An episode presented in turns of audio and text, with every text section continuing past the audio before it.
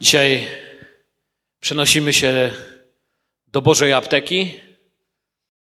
Mamy taką księgę w Biblii, gdzie jest 150 tabletek na depresję. Czyli księgę? Dobrze, księgę psalmów.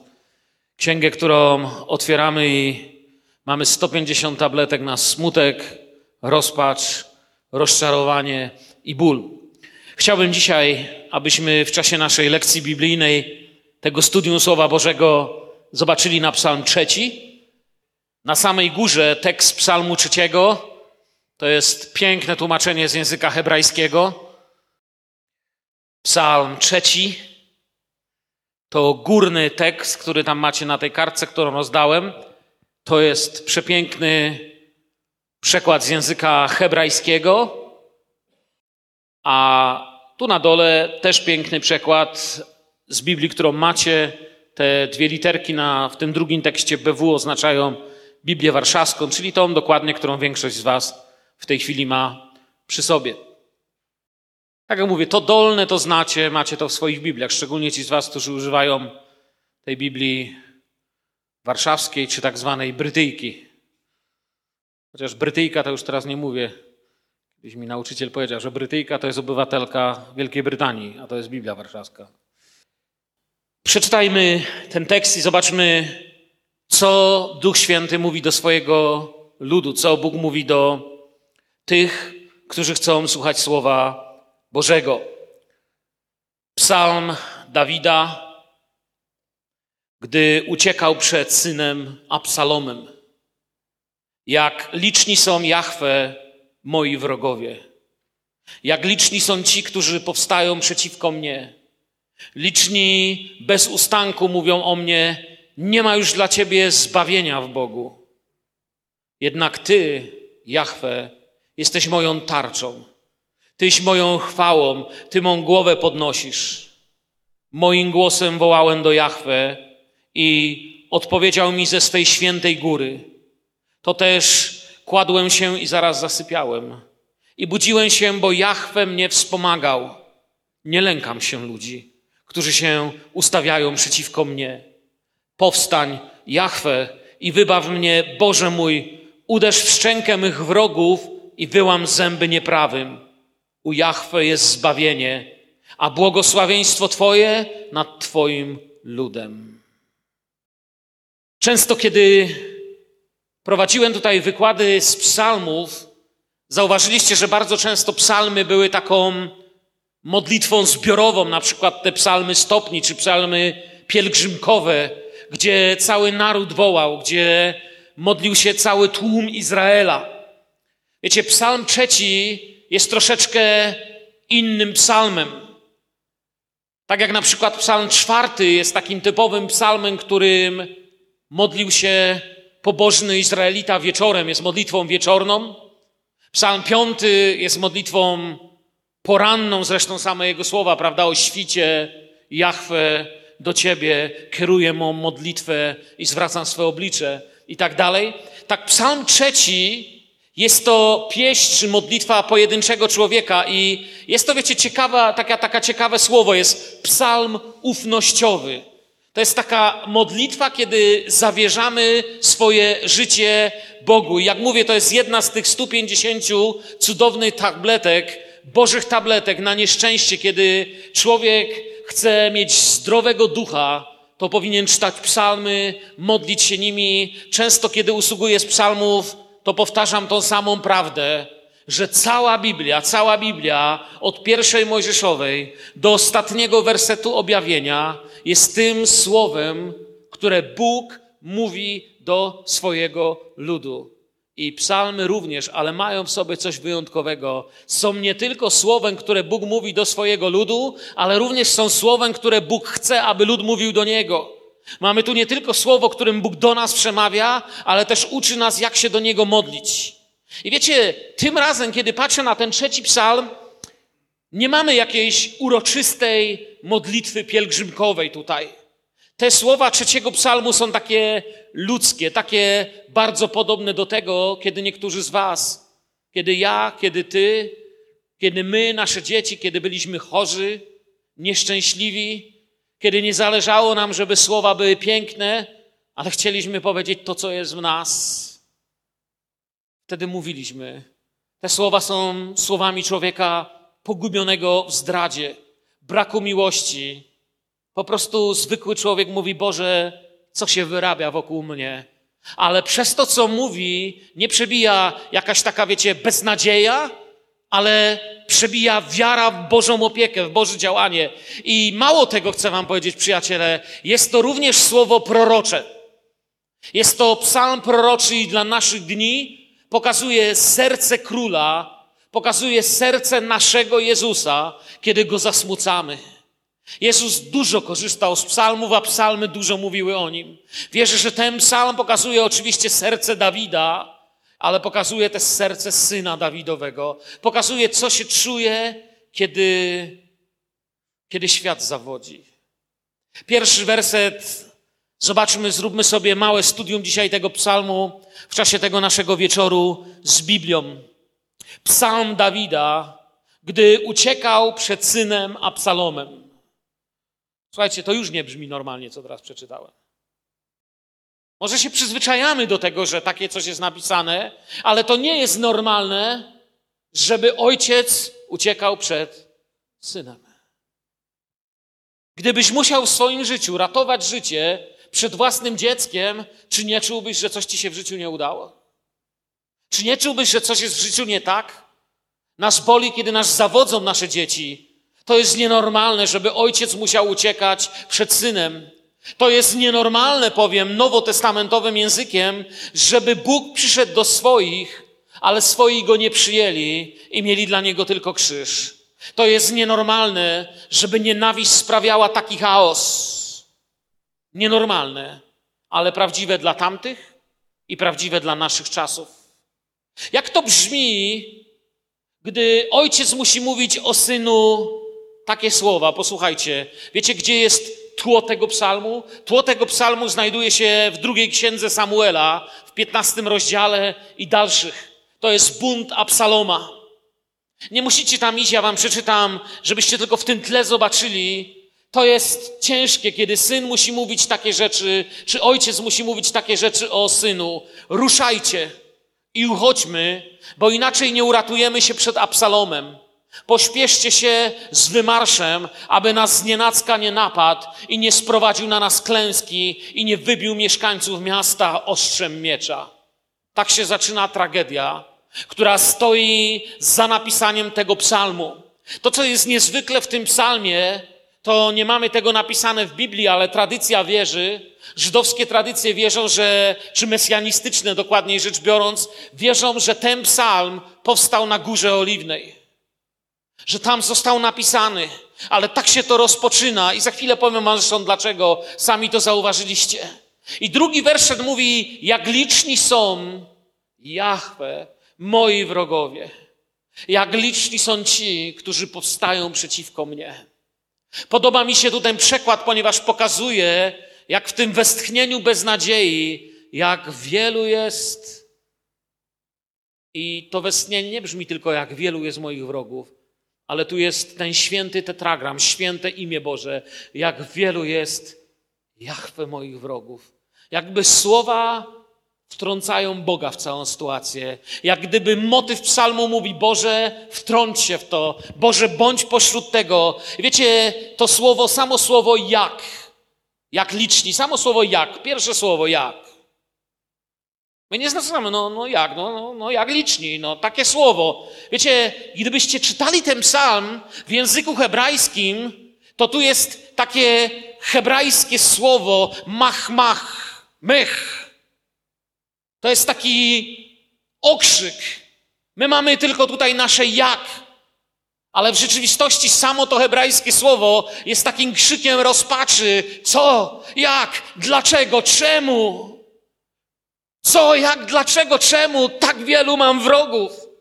My mamy tylko jak, ale tam w tym hebrajskim to jest pokazany okrzyk rozpaczy. My tylko czytamy jak ale możemy wiedzieć, mamy do tego dostęp. Wyraża to jak ból serca. Ci wrogowie są tutaj określeni jako kumal, czyli dalej patrząc na tłumaczenie tego słowa, to jest taki rodzaj wrogów, którzy zajmują szczególną postawę wrogości. To jest rodzaj postawy, wiecie, takiej jak, wiecie, widzieliście kiedyś psa, który stoi, zjeży sierść, pokazuje zęby i nie zamierza zejść z drogi. To jest rodzaj buntu, rodzaj gotowości do walki. Tak liczni są wrogowie i stoją w postawie gotowej do walki. Szczególna postawa wrogości, buntu, to nie jest postawa jakby gotowa do walki, obrony czegoś sprawiedliwego, ale jest to postawa zbuntowania, postawa gotowa w buncie zniszczyć każdego, kto się jej przeciwstawi. I dlatego jest w nim płacz, jest w nim rozpacz. Mówiłem już też i wspominałem, że jest to psalm proroczy i nauczający dla naszych czasów. Dlaczego? Widzicie, a psalm bardzo długo planował ten bunt przeciwko swojemu ojcu. Czasami tak jest z dziećmi. Absalom planował bunt, kierowała nim pycha i jak działał, opisuje nam druga księga Samuela. Pisze, że zwykł też Absalom od wczesnego rana stawać na drodze przy bramie, a ilekroć jakiś człowiek miał sprawę sporną do rozstrzygnięcia na sądzie przez króla, Absalom przywoływał go do siebie i mawiał: Z którego miasta jesteś? A gdy ten odpowiadał z tego, a tego plemienia izraelskiego jest twój sługa, wtedy Absalon mawiał do niego, patrz, twoja sprawa jest dobra i słuszna, ale nie ma u króla nikogo, kto by cię wysłuchał. Mawiał jeszcze Absalom, gdyby to mnie ustanowiono sędzią w tej ziemi i gdyby to do mnie przychodził każdy, kto ma sprawę sporną do rozstrzygnięcia, to wymierzałbym mu sprawiedliwość. Gdy zaś ktoś podchodził do niego, aby mu się pokłonić, on wyciągał do niego rękę, brał go w objęcia i całował. Tak postępował Absalom z każdym Izraelitą, który szedł do króla na sąd i pozyskał sobie serca mężów izraelskich. Widzicie, co robił? Innymi słowami, on mówi: Słuchajcie, tam nie ma odpowiedzi. Ja jestem odpowiedzią. Moja mądrość jest odpowiedzią. Człowiek zaczyna zajmować miejsce, syn zaczyna zajmować miejsce ojca, syn zaczyna zajmować miejsce pomazańca Bożego, Dawida. I odwraca serca ludzi od Dawida, od człowieka według Bożego serca. I stąd on pisze: Liczni byli ci, którzy byli przeciwko niemu, ponieważ liczni się odwracali. Absalom ich namawiał, całował im takim judaszowym, byśmy dziś powiedzieli, pocałunkiem. Namawiał ich przeciwko sprawiedliwości, w której rządził jego ojciec. Liczni byli ci, którzy się odwracali. Słowo liczni również pokazuje przerażenie psalmisty. Psalmista mówi, wiecie, bolało mnie serce, bo to nie był ktoś jeden. Jak? Mówiłem wam, co to znaczy to jak, prawda? A teraz zobaczcie, jak liczni. Jak wielu. Boże, dlaczego? Czemu? Co się dzieje? Liczni pokazuje przerażenie psalmisty, bo nie ktoś jeden staje przeciwko niemu. Dziś często uważa się, żyjemy w czasach, kiedy uważa się, że większość ma rację. Kiedy ktoś robi coś złego, mówi, ale przecież wszyscy tak robią. Jak liczni. Tak dzisiaj odwraca diabeł serca ludzi od Jezusa. Wiecie, diabeł dokładnie to samo mówi. Diabeł mówi, po co będziesz się starał? Musisz się modlić, musisz wyznawać, musisz stawić przed jego obliczem. Ja mam dla ciebie prostsze metody. Zwyczajnie weź się zemści. Zwyczajnie po co się będziesz męczył, żeby Bóg coś zrobił? Masz nie wiem, wróżby, horoskopy, drogi na skróty, wszelką nienawiść, która nie wymaga żadnej ofiary. Żeby Bóg cię uzdrowił, musisz być człowiekiem, który stanie przed Jego obliczem, żebym ja ci dał to samo. Wszystko, co trzeba, po prostu przychodź. Odwraca się serca ludzi od Jezusa dziś dokładnie w ten sam sposób. Dlaczego to mówię? Aby mojego i Twojego serca nikt nie odwrócił od Jezusa, który Cię zbawił. Aby nikt cię nie odwrócił, nie powiedział, jest gdzieś poza Bożym pomazaniem sprawiedliwość. I trzeci werset mówi, liczni bez ustanku mówią o mnie, nie ma już dla niego zbawienia w Bogu. Znowu wiecie, kiedy się to czyta po polsku, nie brzmi tak strasznie, jak kiedy się to popatrzy na to w oryginale. Nie ma dla niego zbawienia. Pomyślcie, co mówią wróg Boży, co mówi Absalom, co mówią wrogowie Dawida o Bogu, który się objawia ponad wszystko jako Bóg, który jest kim? Zbawicielem. Bóg mówi, że On chce zbawić, że On nie chce niczyjej śmierci. A tu nagle jakaś prawda brzmi, że Bóg, który chce zbawić, że Bóg, który nie chce niczyjej śmierci, niestety już nie ma dla nikogo zbawienia? Nie ma już dla niego zbawienia w Bogu? Czy można tak powiedzieć o bliźnim i pozostać sprawiedliwym? Wiecie, co oni mówią Dawidowi? Wrogowie mówią Dawidowi dokładnie to, co codziennie chce wam powiedzieć diabeł, co słowo wam chce coś powiedzieć, że nie ma już u Boga dla was Jezusa. Nie ma już u Boga dla was cierpliwości. Wiecie, zbawienie od Boga, imię Jezus oznacza, że Jahwe zbawia. A ci ludzie mówią, że u Jahwe już nie ma tego, co oznacza Jego imię. Imię Jezus, że On zbawia, że nie ma już dla Niego Jezusa. Mówią liczni bez ustanku, mówią o mnie, nie ma już dla Niego Jezusa u Boga. Nie ma dla Ciebie ratunku. To jest oszczerstwo diabelskie. To jest zwiedzenie. Bo jeszcze raz przypominam, imię Jezus, Jeszua dokładniej, oznacza, że Bóg zbawia. Ale oni mówią, że tego już Boga nie ma. Imię, imię Jezus oznacza, że Jahwe jest zbawieniem. Oni myślą, że można w to zmieszać swoją politykę. Mówią to bez ustanku, jakby pisze, że bez ustanku to mówią o mnie, jakby nie chcieli, żeby ucichło, by wystraszony Boży Król nie odpoczął, żeby gdzieś swojej świadomości spanikował. Celem jest taki sam cel dziś i wtedy, żebyś uwierzył, że Bóg cię porzucił. Żebyś uwierzył, że kiedyś Bóg cię powołał że kiedyś, owszem, Bóg był wszechmogący, że kiedyś w czasach Twoich ojców, o to tak, że kiedyś, ale nie dziś. Dziś za daleko się posunąłeś, Bóg sobie znajdzie kogoś innego. Bóg tak nie działa. Bóg nie działa w ten sposób strachem i oszczerstwem. Boże prowadzenie i Boża łaska posadziły Dawida na tronie. I nagle rozlega się okrzyk na całą krainę, który wszystko to, co uczynił Bóg, przekreśla. Druga Samuela mówi, że rozesłał też Absalom tajnych gońców do wszystkich plemion izraelskich z hasłem. Gdy usłyszycie głos trąby, wołajcie, Absalom został królem w Hebronie. Do tej pory, kiedy usłyszeli głos trąby, mieli świętować, że Bóg z pomazaniem rządzi ich krajem że Bóg dał im pomazańca. Do tej pory, kiedy usłyszeli głos trąby, mieli się jednoczyć. Ale oto podnosi się głos, który mówi, gdy usłyszycie głos trąby, dzielcie, rujnujcie, ogłaszajcie klęskę, ogłaszajcie człowieka zamiast Boży plan. I w takiej sytuacji psalmista, psalm Dawidowy, Mówi, że człowiek znajduje się w beznadziejnej sytuacji. Wiecie, niezwykła jest dla mnie postawa serca Dawida. On jest tutaj dla nas wzorem. Dlaczego jest wzorem? Dlatego, że dzisiaj może masz spokój. Może wyszedłeś ze sztormu, widzisz w miarę spokojnie żyjesz, ale nigdy nie wiesz, przyjacielu, czy jutro nie przyjdą dni pełne sztormów. Nigdy nie wiesz, kiedy będziesz potrzebował mieć serce pełne Słowa Bożego. Czy Potrafimy się w tej sytuacji modlić tak, jak Dawid się modlił, gdy rozlega się krzyk zdrady, gdy według psalmu widzimy, że on widzi, jego serce jest zrozpaczone, on widzi, że jest otoczony wrogami.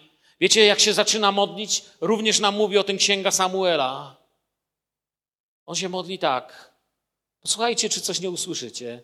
Jeżeli zaś tak Pan orzekł, nie mam w Tobie upodobania, to mówi Dawid księdze Samuelowej, w odpowiedzi na ten wrzask zdrady, na to, że mówią mu, że nie ma już u Boga zbawienia, że nie ma już dla niego u Boga szans.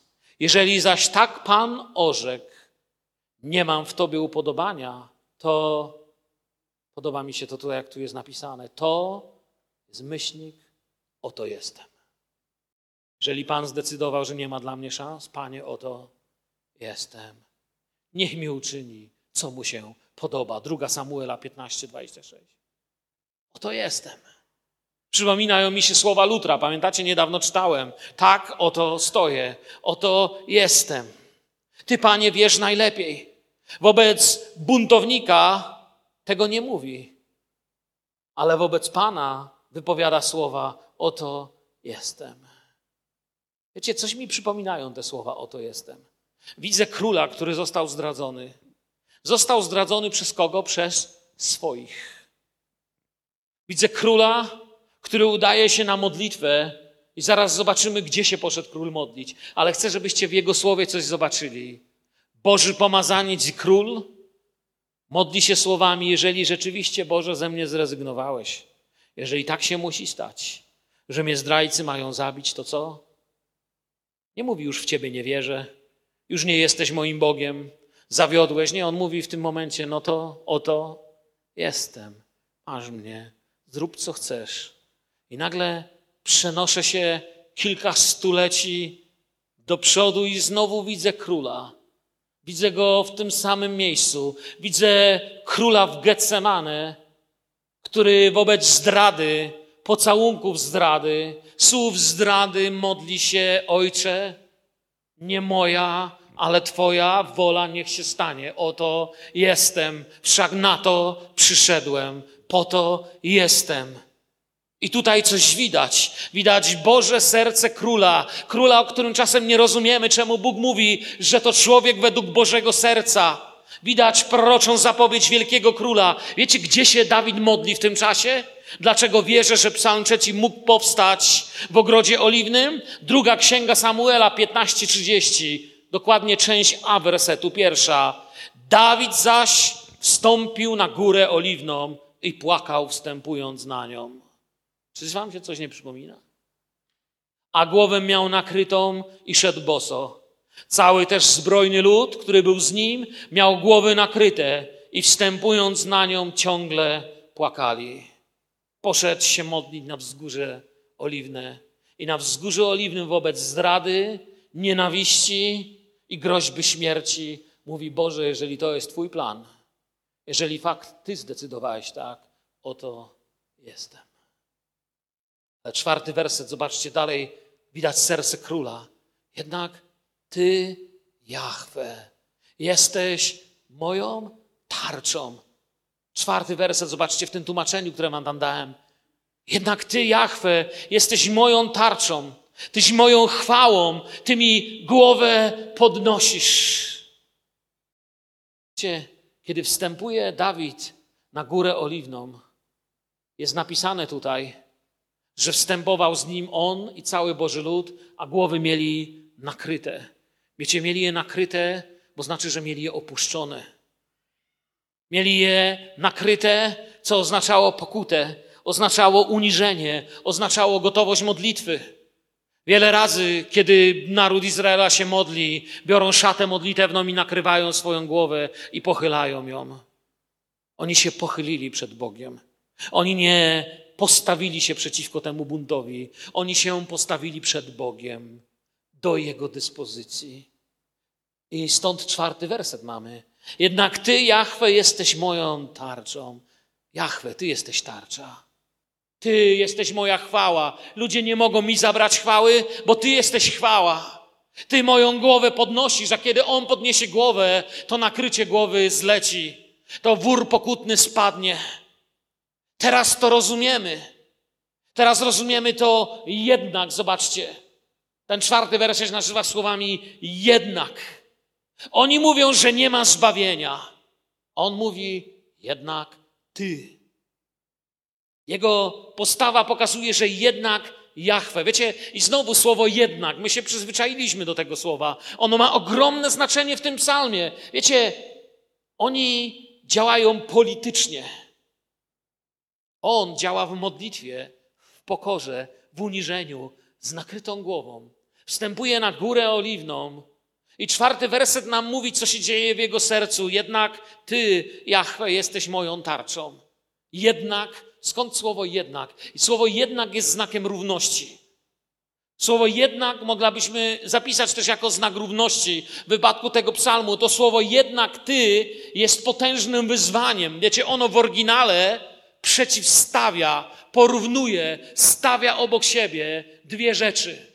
Słowo jednak jest znakiem równości, który się musi w coś zamienić. Jest znakiem równości postawionym z zapytaniem. Jest jednak i po tej stronie jest problem, a po tej stronie jest Jahwe. Problem krzyczy śmierć Dawidowi. A on stawia Jachwę i mówi, jednak Jachwę jest moim zbawieniem. Ono, jak mówię w oryginale, przeciwstawia, porównuje problem i Jachwę. I on mówi, Jachwę, czyli Bóg Wszechmogący, jest jego tarczą. Ale on się nie szczyci niczym. Pamiętacie tą starą pieśń, nie szczycę się mądrością, Panie. On się niczym nie szczyci, bo Jachwę jest też jego kabat kaban. Jachwę jest też jego chwałą, splendorem, honorem. Dokładnie brzmi to tak. Jednak Ty, Jachwę, jesteś moją tarczą. Tyś moją, i tu mamy chwałą. To słowo chwałą oznacza splendor królewski, honor, którego nie można zabrać, bo jest w Bożych rękach. Oznacza to wszystko, co położyliśmy z naszym życiem w Bożych rękach. Jachwę jest chwałą, splendorem, honorem. Żeby mi to zabrać, trzeba mi zabrać Boga. Żeby mi to zabrać, trzeba mnie wyrwać z Bożej ręki. Dla nas to słowa, dla tamtych czasów to wartość życia. Dla, w tamtych czasach król dla honoru był gotowy oddać życie. Ale ten król wie, że jego honorem jest jego Jachwę. Bez tego jest się bez wartości. Jachwę, jeśli nie Ty, to rzeczywiście nie mam wartości. Oto jestem. Już powie, wiesz, ale to jest Stary Testament. Powiem to nowotestamentowym językiem. Każdemu z Was się zdarzyło być zaatakowanym przez wrogów. Zdarzają się w pracy ludzie, którzy chcą Waszego zła. Mogą się zdarzyć w kościele. Mogą się zdarzyć na ulicy. Wiecie, jak się możemy dziś nauczyć modlić? Panie Jezu, Ty jesteś moja chwała. Panie Jezu, Ty jesteś mój honor. Jeśli staję w obronie honoru, to nie w obronie jakiegoś wymyślonego męskiego honoru.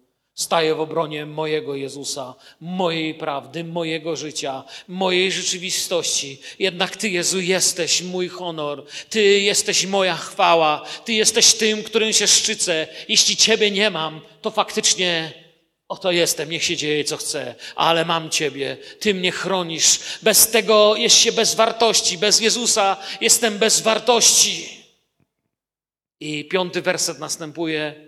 Moim głosem wołałem do Jahwe i odpowiedział mi ze swej świętej góry. Wiecie, co ten werset mówi? Ten werset jest nagle tu włożony. Ten werset nie jest rzeczywistością psalmisty teraz. Ten werset jest bardzo ważną lekcją, którą chcę Wam dać. Jeśli wszystko, co dziś powiem, zapomnicie, to chcę, byście zapamiętali to, co teraz powiem. Ten werset piąty jest wtrąceniem w ten psalm, jest wspomnieniem. Innymi słowami, ten werset to bardziej wspomnienie, które pozwala wierzyć, kiedy będziesz w dniu próby, nie złożysz na swoich wrogów, ale przypomnij sobie dni, kiedy Twój Bóg Cię uzdrawiał, Twój Bóg Cię zbawiał, Twój Bóg Cię podnosił. Ten werset jest wspomnieniem, gdybym miał parafrazować, ten werset to bym przetłumaczył, czy powiedziałbym piąty werset w ten sposób. Moim głosem już kiedyś wołałem do Jahwe, już kiedyś się modliłem i wtedy, kiedy miałem problem, wiecie co się stało?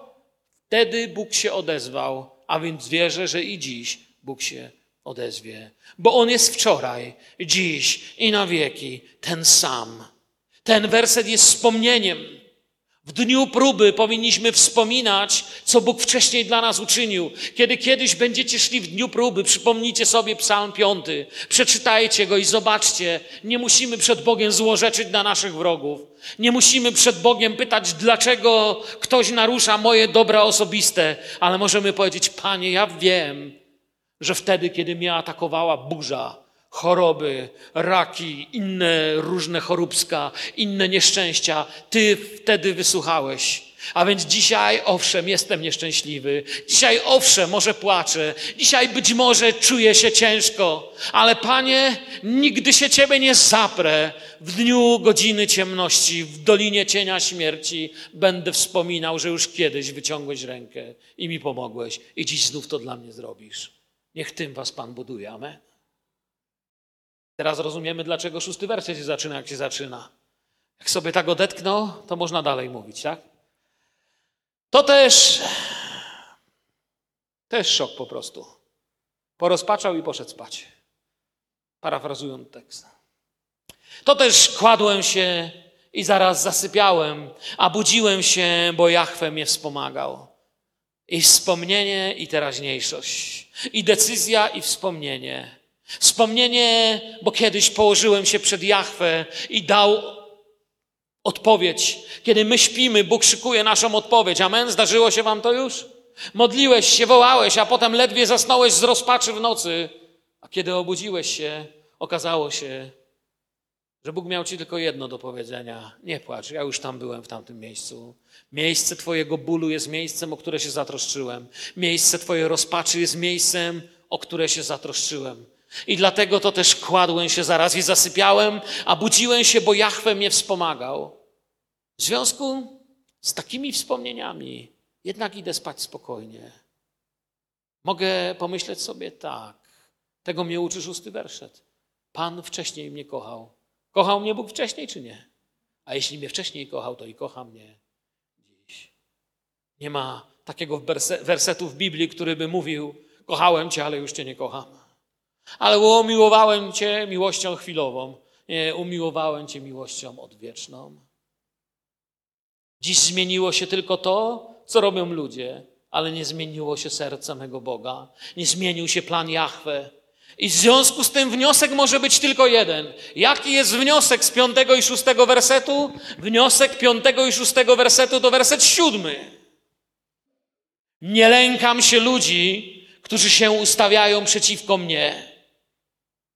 Fajnie tu jest to słowo, ustawiają przeciwko mnie. Ja sobie wyobrażam taką kolejkę wrogów.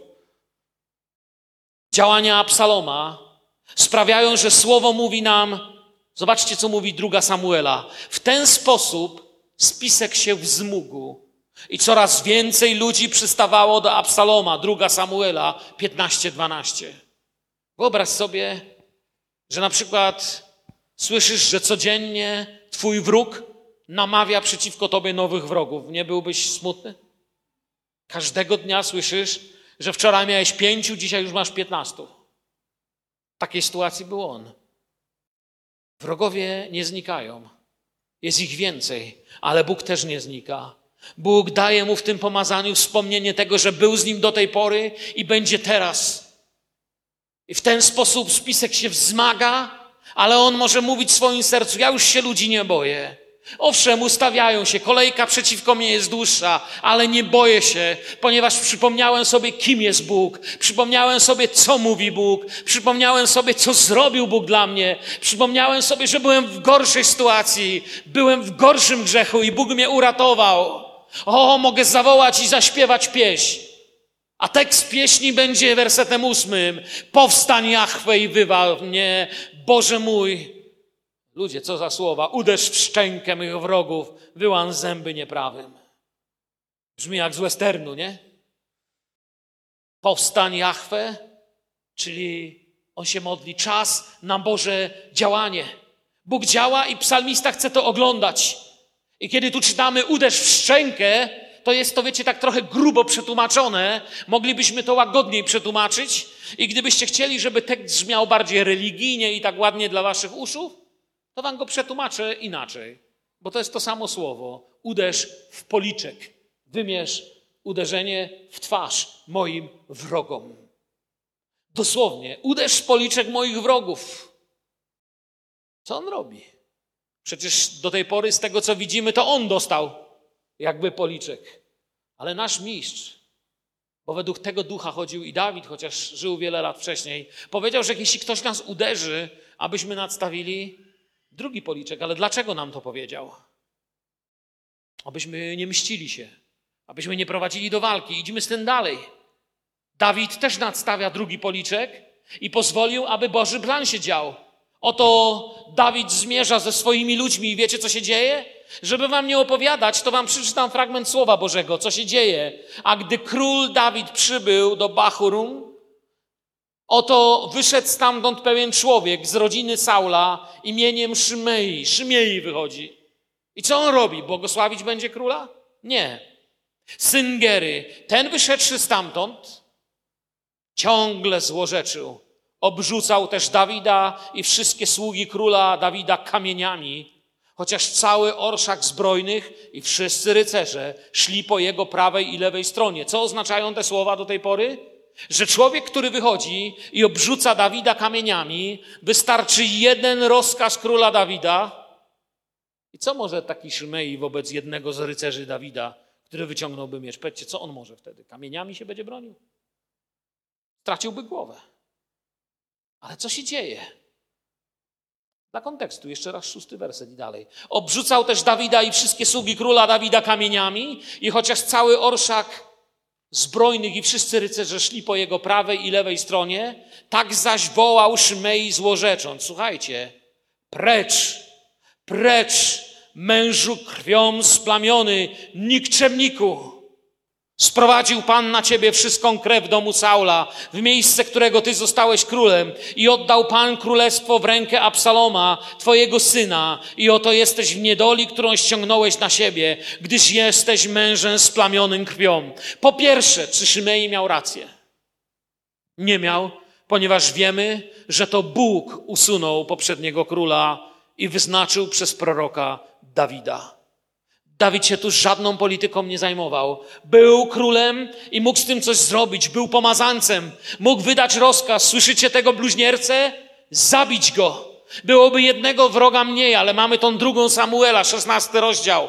Idziemy dalej. Byłoby jednego wroga mniej, ale on mówi zupełnie coś innego. Coś, co mi przypomina mojego mistrza, który mówił, że oni nie wiedzą, co czynią. Coś, co przypomina mi Szczepana, który mówi: Panie, wybacz im, bo oni nie mają pojęcia, co robią. Oni się go pytają, czy zlikwidować bluźniercę, a Dawid im odpowiada: Zaniechajcie go, niech złorzeczy. Wiecie, ja się uczę od Dawida. Kiedy na mnie ktoś coś złego mówił, nigdy mi do głowy to nie przyszło wam. Nigdy mi do głowy nie przyszło przyjść i powiedzieć mojej żonie czy przyjaciołom, wiesz, mam wrogów, ale niech mówią. Pan im pozwolił, niech mówią. Ale tak nas uczy Bóg, by takie była nasza postawa. Zaniechajcie go, niech złorzeczy, gdyż Pan mu tak kazał. Może Pan wejrzy na moją nędzę i przywróci mi szczęście w zamian za jego dzisiejsze złorzeczenia. To nie jest biznes, to jest list do Rzymian. Jak list do Rzymian? Najmilsi, najmilsi, nie mścicie się sami ale pozostawcie to gniewowi Bożemu, albowiem napisano, pomsta do mnie należy, ja odpłacę, mówi Pan. Rzymian 12, 19. Szok. Odkryłem, że Dawid znał list do Rzymian. Wiemy, że go nie miał, ale wiemy, że całe słowo jest natchnione. Natchnione jest Duchem Świętym, a to już miał, a tego właściwie już miał. Bóg jest realny dla naszych wrogów i wie najlepiej, jak nas bronić. Oczywiście, jeszcze raz powtarzam, żeby ktoś nie powiedział, że pastor odkrył, że Dawid czytał list do Rzymian. Dawid go nie czytał. Ale Dawid czytał Boże serce. Był człowiekiem według Bożego serca, to tam było zawsze. I następuje dziewiąty werset. U Jahwe jest zbawienie, a błogosławieństwo Twoje nad Twoim ludem. Wiecie, to się kończy największą teologiczną prawdą świata. Wrogowie będą wam krzyczeć, że nie ma u was, dla was, przepraszam, zbawienia u Jahwe, u waszego Boga. Ale chcę wam powiedzieć, krzyknijcie wtedy Jezus. A krzycząc Jezus, krzyczycie Jeszua. A krzycząc Jeszua, krzyczycie Jahwe zbawia. On zbawia. U Jahwe jest zbawienie. I wynikiem tego jest szczęście Bożych ludzi. Nie mścili się, nie kombinowali, ale opowiedzieli Bogu o ludziach. Opowiedzieli Bogu o ludziach, opowiedzieli Bogu, jak to jest. To jest trudna lekcja prostej wiary dla nas. Wiecie, dla mnie i dla ciebie na dziś i jutro, na to, co ma nadejść, na to, kiedy będą przeciwko nam, zostaw go Panu. Wiecie, znowu niesamowicie ewangelicznie, niesamowicie apokaliptycznie kończy się bunt Absaloma. I tak wszyscy przeciwnicy Dawida musieli go spotkać z powrotem jako króla. I tak zgięło się kolano każdego buntownika, który przeżył. I tak też każdy, kto będzie wam krzyczał, że nie ma u Boga zbawienia, możecie krzyknąć Jezus. I tak i tak zegnie się przed Jezusem każde kolano. To jest tylko mała zapowiedź wielkich duchowych rzeczy, które nadchodziły. Małe proroctwo wielkiej księgi Starego Testamentu. Małe proroctwo zapowiadające wielkiego króla. Tylko mała duchowa lekcja dla nas o wielkich planach i wielkim miłosierdziu naszego Boga. Kończąc, podsumowuję to Jego słowami. To przykazuję Wam abyście się wzajemnie miłowali. Jeśli świat was nienawidzi, to sobie poczytajcie Psalm 8. To sobie poczytajcie Ewangelię. Albo dokładnie z tekstem mówiąc, jeśli świat was nienawidzi, wiedzcie, że mnie wpierw znienawidził.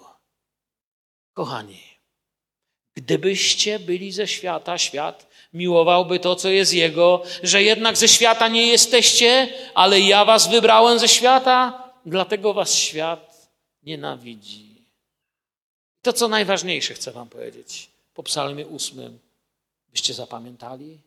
Zaprawdę, zaprawdę powiadam wam. Wy płakać i narzekać będziecie, a świat się będzie weselił. Wy smutni będziecie, ale smutek was w radość się zamieni. To jest obietnica tego, który nazywa się Jezus. A Jezus znaczy, że Bóg jest waszym zbawieniem.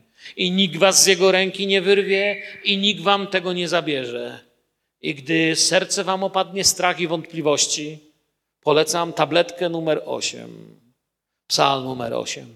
Zażyjcie go, oddechnijcie nim. I powiedzcie, może wróg jest groźny ale mój lekarz jest lepszy. Niech Pan Was błogosławi, przyjaciele. Wstańmy, podziękujmy za Jego słowo, za Jego dobro w naszym życiu.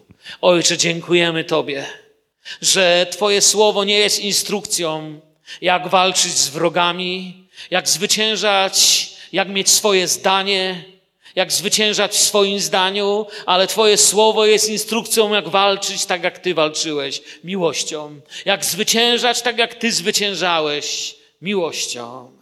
Jak iść, tak jak Ty szedłeś na Golgotę. Jak modlić się, tak jak Ty modliłeś się w Getsemane.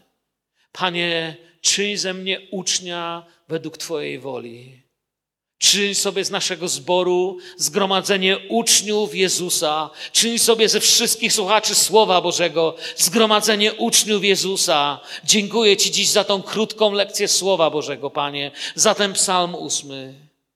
Ojcze, Proszę Cię, abyś każdemu z nas przypomniał ten psalm, kiedy rozlegnie się nad nami głosny śmiech naszych wrogów, kiedy ktoś bez powodu nas nienawidzi, kiedy będzie nas kusić, aby się zemścić, aby się gniewać. Proszę Cię, przypomnij mi w Duchu Świętym ten psalm. Chcę Cię ogłaszać, Jahwe jest moim zbawieniem. Król królów jest moim zbawieniem. Pan panów jest moim zbawieniem. Ty jesteś naszą chwałą, naszym splendorem, naszym zwycięstwem. W Tobie ukrywamy się. Trzymaj nas, Panie, na Twojej drodze. Chcemy iść za Tobą, Mistrzu i Zbawicielu nasz. Panie Jezu, o to się modlimy w Twoim pięknym, cudownym imieniu. Amen.